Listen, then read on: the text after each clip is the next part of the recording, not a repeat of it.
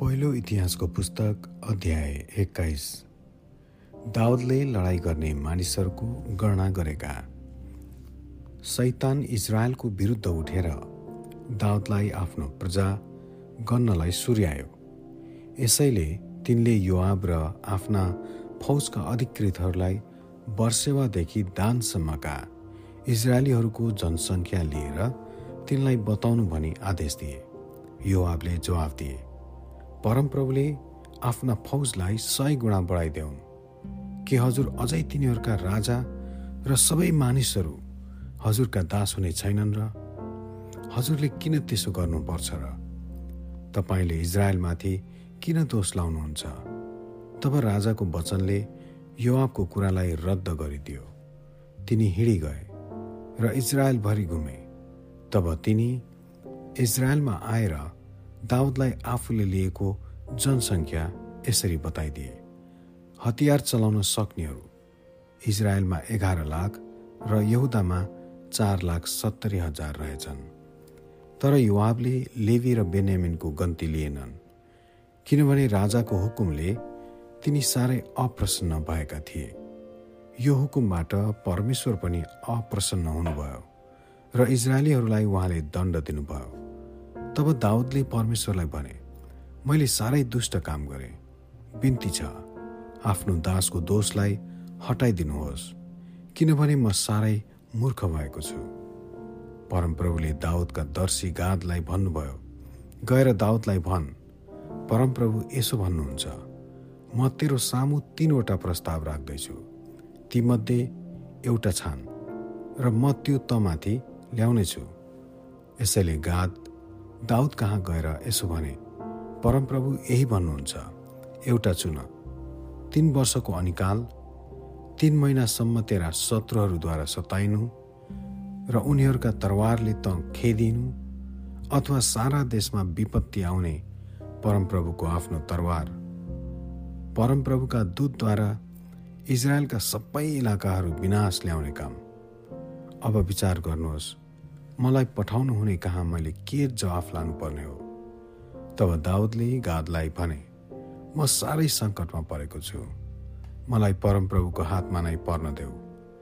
किनभने उहाँको करुणा अति महान छ। तर मलाई मानिसको हातमा पर्नु नपरोस्।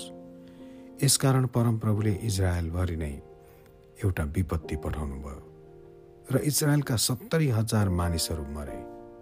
र परमेश्वरले एरुसलेम विनाश गर्न एउटा स्वर्गदूत पठाउनु भयो तर तिनले त्यो नाश गर्न त लाग्दा परमप्रभुले त्यो देखेर त्यस सर्वनाशदेखि मन बदलेर ती नाश गर्ने स्वर्गदूतलाई भन्नुभयो। अब भयो। तिम्रो हात थाम। त्यसै बेला ती स्वर्गदूत एबुसी औरौनका खलाको छेउमा उभिरहेका थिए। मास्तिर हेर्दा दाउदले परमप्रभुका स्वर्गदूतलाई स्वर्ग र पृथ्वीका बीचमा आफ्नो नाङ्गो तरवार एरुसलेममाथि पसारेर उभिरहेका देखे तब दाउद र धर्मगुरुहरू भाङ्रा लाएर भुइँमा घोप्टु परे अनि दाउदले परमेश्वरलाई भने लडाकु मानिसहरूको गन्ती लिनलाई मैले पो हुकुम दिएको थिएँ मैले पो पाप गरेको थिएँ मैले पो दोष गरेको थिएँ तर ती बिचरा भेडाहरूले के गरेका थिए र?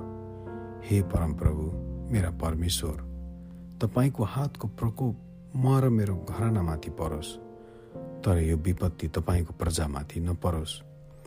दाउदलाई एबुसी अरुणाको ख्यालामा गएर परमप्रभुको निम्ति एउटा वेदी बनाउनु भनी हुकुम गर भनेर परमप्रभुका स्वर्गदूतले गादलाई भने। परमप्रभुको नाउँमा गादले हुकुम गरे झैँ दाउद त्यहाँ उक्लेर गए। अरौना आफ्नो गहुँ दाई गरिरहेका थिए। तिनी यसो फर्के र ती स्वर्गदत्तलाई देखे।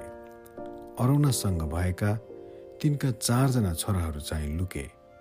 दाउद तिनको छेउमा आइपुग्दा अरुणाले माथितिर हेरे र राजालाई देखेर खलाबाट आए तिनको सामु घोप्टो परे।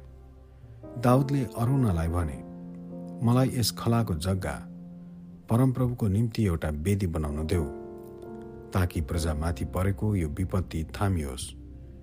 त्यसको पुरै दाममा मलाई बेच।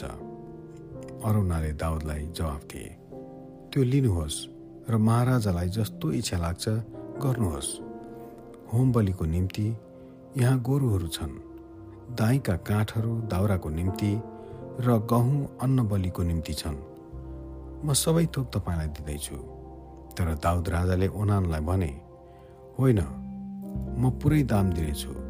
तिम्रो सम्पत्ति लिएर सित्तैमा पाएका थोकको होमबली म परमप्रभुलाई चढाउने छैन। यसैले त्यस जग्गाको निम्ति दाउदले अरौनालाई छ सय सुनका सिक्का दिए र तिनले त्यहाँ परमप्रभुको निम्ति एउटा वेदी बनाए। त्यसैमा तिनले होमबली र मेलबली चढाए र परमप्रभुका नाउँको पुकारा गरे अनि परमप्रभुले स्वर्गबाट होम बलिको वेदीमा आफ्नो आगो वर्षाएर जवाफ दिनुभयो। तब परमप्रभुको आज्ञा अनुसार ती स्वर्गदूतले आफ्नो तरवार म्यानमा हाले। त्यसै बेला परमप्रभुले एबुसी अरुणाको खलामा जवाफ दिनुभयो भनी देखेर दाउदले त्यहाँ बलिदानहरू चढाए।